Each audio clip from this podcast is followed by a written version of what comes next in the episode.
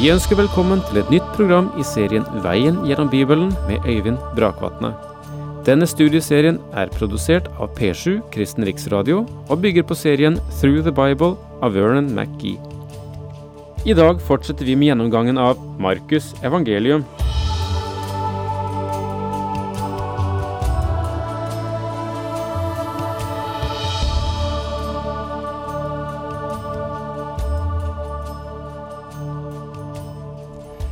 Det er ingen evangelist av de fire evangeliene som vi har i Det nye testamentet, som bruker så mye av evangeliet til de siste dager omkring Jesu liv, hans døde oppstandelse, som Markus gjør det. Og nå tenker jeg prosentvis av lengden på evangeliet. Og nå er vi inne i denne avsluttende delen, og Jesus konfronteres, har de siste konfrontasjoner med de som står ham imot, med fariseerne og de skriftlærde. Og så møter han sin død, og han gir sitt liv for vår skyld, slik som evangeliet jo forteller, og som vi vet er sannhet. Vi er nå i det tolvte kapittel i Markusevangeliet, om jeg ikke har sagt det før. Og vi er helt i begynnelsen, og jeg har enda litt jeg vil si til selve introduksjonen før vi går inn på det første verset i dette tolvte kapitlet. Vi stilles overfor mye aktivitet og handling også i dette kapitlet, men av en annen karakter. Den Herre Jesus er påskelammet og blir nøye gransket nå før han skal avlives. Du husker kanskje at påskelammet skulle granskes nøye, så det var uten flekk eller lyte. All menneskets vrede vil bølge over ham nå om få dager. Dette er ikke en handlingsfattig eller passiv periode, men det er den skarpeste konfrontasjonen som Jesus har hatt med de religiøse lederne. På begge sider stilles det opp tungt artilleri, og alt stilles i ordning og forberedes til det store slaget mellom himmel og helvete, lys og mørke, Gud og Satan. Og dette kan neppe kalles en passiv periode. De tre årene med periodiske kontrafeier mellom Jesus og de religiøse lederne bryter nå ut i en bitter verbal stridighet. Han tar initiativet, vinner en seier på det verbale området, og de fortsetter å forsøke å fange ham på den måten, fange ham i ord. De hadde håpet at de kunne tvinge ham til å si noe som kunne få folket til å vende seg mot ham, og alle de spørsmål de stilte ham, var tendensiøse. Han avskar dem ved å fortelle den sterkeste, klareste og mest direkte lignelse i hele sin tjeneste, den om forvalterne og vingården. Meningen er helt åpenbar, og kapitlet begynner med denne lignelsen. Så begynte han å tale til dem i lignelser. En mann plantet en vingård og satte opp et gjerde rundt den, gravde ut en vinpresse og bygde et vakttårn. Så forpaktet han vingården bort til noen vindyrkere og reiste ut av landet. Vingården er Israels folk, ifølge Jesaja 5, vers 1-7. Han førte det vintreet ut av Egypt. Han plantet det, nemlig israelsfolket. Han ga dem en gudgitt religion. De er det eneste folk som noen gang har hatt en gudgitt religion og Guds synlige nærvær. Kirker og menigheter har aldri hatt det. Nå gir han en vurdering av samtidens religiøse ledere gjennom en lignelse. Da tiden kom, sendte han en tjener til forpakterne for å få sin del av avlingen, men de grep ham, slo ham og sendte ham tomhendt bort. Siden sendte han en annen tjener til dem. Han slo de i hodet og hånte ham. Da sendte han enda en av sted, ham slo de i hjel. Og slik med mange andre. Noen skam slo de, og noen drepte de. Nå hadde han en eneste igjen, sin egen kjære sønn. Til slutt sendte han sønnen til dem, for han tenkte, min sønn vil de ha respekt for. Men vindyrkerne sa til hverandre, der har vi arvingen, kom, La oss slå ham i hjel, så blir arven vår. Dermed grep de ham og slo ham i hjel og kastet ham ut av vingården. Hva skal nå vingårdens herre gjøre? Han skal komme og gjøre ende på disse forpakterne og overlate vingården til andre. Har dere ikke lest dette ordet i Skriften, den stein bygningsmennene vraket er blitt hjørnestein? Dette er Herrens eget verk, underfullt er det i våre øyne. Da ville de gjerne ha grepet ham, for de skjønte at det var dem han siktet til med denne lignelsen. Men de var redde for folket, så de forlot ham og gikk bort.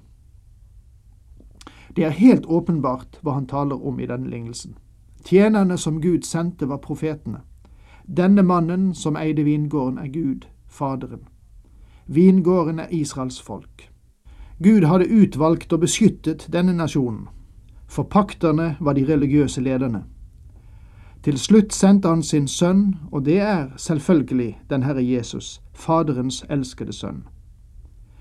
På en spesiell måte kom Jesus til israelsfolket først. Jeg er ikke utsendt til andre enn de tapte får av Israels hus, sier han i Matteus 15, 24. Men han kom også for hele verden, ifølge Johannes 3, 16. Men her retter Herren et bevisst og direkte slag mot de religiøse lederne som sto foran ham. De hadde allerede planlagt hans død, og han trekker planene deres frem i lyset. Han visste hva som bodde i mennesket. Han forteller de religiøse lederne hva de vil komme til å gjøre. Han profeterer om hvert skritt og forutsetter hvert trekk.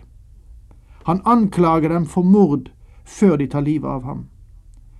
Dette er en bemerkelsesverdig tildragelse, mine venner. Deretter forutsier han dommen over de religiøse lederne. Vi kan se fullbyrdelsen av det i år 70 etter Kristus, da Titus og romerne ødela den byen og tok dem til fange. Vi kan se på Colosseum i Rom. Det ble bygget gjennom arbeid av jødiske slaver. Men la oss nå legge merke til noe vidunderlig her. Den stein bygningsmennene vraket, er blitt hjørnestein. Dette er som to lignelser i én om vingården og steinen. Kristus var snublestein og en anstøtsklippe for de religiøse lederne, men mange av folket vendte seg til ham, og han ble for dem hovedhjørnestein.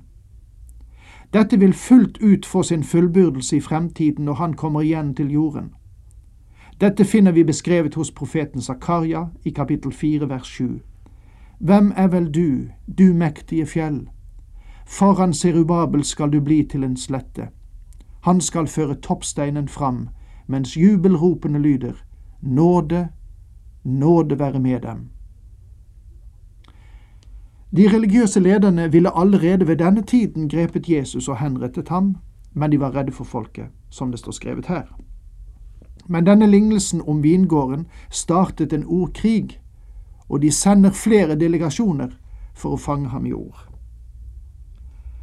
Siden sendte de til ham noen av fariseene og herodianerne for at de skulle fange ham i ord. De kom og sa, Mester, vi vet at det du sier er sant, og at du ikke bryr deg om hva andre mener.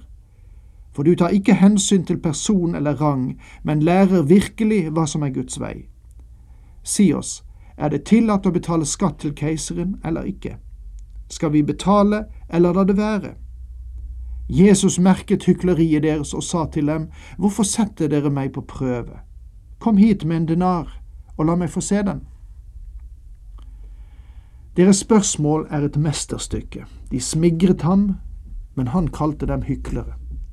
Han tok ikke imot deres smiger. Men la meg få legge til at han aksepterte det Nikodemus hadde sagt til ham, fordi han var ærlig. Men her står det altså frem hyklere av første rang. Hvorfor ba han dem om en denar? Han skulle bruke deres egen mynt, det er sant, men jeg tror ganske enkelt at han ikke selv hadde en mynt. Bare tenk på det. Herlighetens herre var i denne verden og hadde ikke en skarve skilling i lommen, mine venner. Kan du forestille deg det? Velstandsteologien gikk visst ham helt forbi. Hvor vidunderlig og fantastisk han var. Han hadde ikke en eneste mynt, og han hadde lagt fra seg kredittkortet. Så han ba dem om å vise seg en denar, og de rakte ham en. De gav ham en, og han spurte, Hvem er det som har sitt bilde og sitt navn her? Keiseren, svarte de. Da sa han til dem, Gi keiseren hva keiserens er, og Gud hva Guds er. De ble helt forundret over ham. De gav ham en mynt, og han stilte dem et spørsmål, og her, skjønner du, hadde han sagt at de skulle betale skatt til keiseren, så ville det ha betydd at han satte keiseren foran Moses og foran Messias. Og hadde han sagt at de ikke skulle betale skatt, så hadde han vært skyldig i opprør mot keiseren. Og de trodde at de hadde ham i en felle, men han var friere enn noensinne, og de måtte undre seg over det svaret som han ga. Svaret hans viser at et Guds barn har et tofoldig ansvar, og det kan faktisk være mer enn tofoldig. Vi har et samfunnsansvar og et ansvar overfor den menighet, det kirkesamfunn vi hører til i, og dessuten har vi et ansvar overfor våre nære og kjære. Vi har et ansvar overfor samfunnet vårt. Når jeg blir stilt overfor det skattekravet som kommer på meg, så synes jeg av og til at eh, jeg har for mye ansvar. Og det smerter meg litt når jeg merker hvor råflott man kan behandle skattebetalerens penger, og hvordan det manipuleres med betrodd gods. Og derfor er det jeg sier at jeg av og til føler at jeg har for stort ansvar. Det er plass for atskillig sparing i samfunnet vi får tilhøre. Men det betyr ikke at jeg skal løses fra alt skattetrykk. Vi har et klart ansvar overfor det samfunn vi får tilhøre, og for de goder vi får nyte. Vi har også et ansvar overfor våre kjære. Vi har ansvar overfor vår menighet. Jeg har et ansvar, føler jeg, overfor dere som lytter til veien gjennom Bibelen. Vi har alle våre ansvarsfelter, og det er det Herren sier. Vi har et ansvar overfor keiseren. Vær tro i å innfri det. Men det frir deg ikke fra ditt ansvar overfor Gud. Du verden så mye Jesus får ut av denne episoden med mynten. Faktisk tar han denne lille hendelsen og vender den til en lignelse. Kom hit med en denar. Med den mynten illustrerer han en stor sannhet. Mynten har to sider. Dette er to livsområder vi bærer ansvaret for. Mennesket har både en jordisk eller fysisk og et himmelsk eller åndelig ansvar. Himmelens borgere betaler skatt her nede. Pilegrimene her nede burde også plassere noe evige verdier i himmelen. Så du merker hvordan han brakte disse herodianerne til taushet, de som ønsket å bevare makten for Herodes. Det kom noen sadukere til Jesus. Det er de som hevder at det ikke er noen oppstandelse. De la fram for ham et spørsmål. Mester, sa de, Moses har gitt oss denne forskriften. Om en mann dør og etterlater seg kone, men ingen barn, skal hans bror gifte seg med enken og gi sin bror etterkommere. Sadukeerne, husker du, var datidens liberalere. De fornektet det overnaturlige, men det de fremsetter her, var nøyaktig nok. De refererte til slektsloven, som annet er illustrert i Ruths bok. De visste hva Skriften sa. Ja, der må vi vel stoppe, tror jeg, og jeg håper ikke at det er bare liberalene som vet hva Skriften sier, men også vi som ønsker å følge Skriften, må kjenne den. Og med det, takk for i dag. Herren med deg.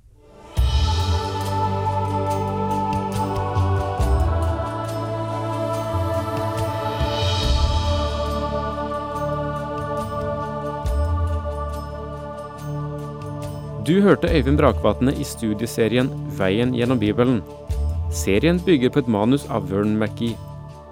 Har du spørsmål eller kommentarer til programmet, kan du sende en e-post til vgb krøllalfa p7.no. Takk for i dag, og på gjenhør.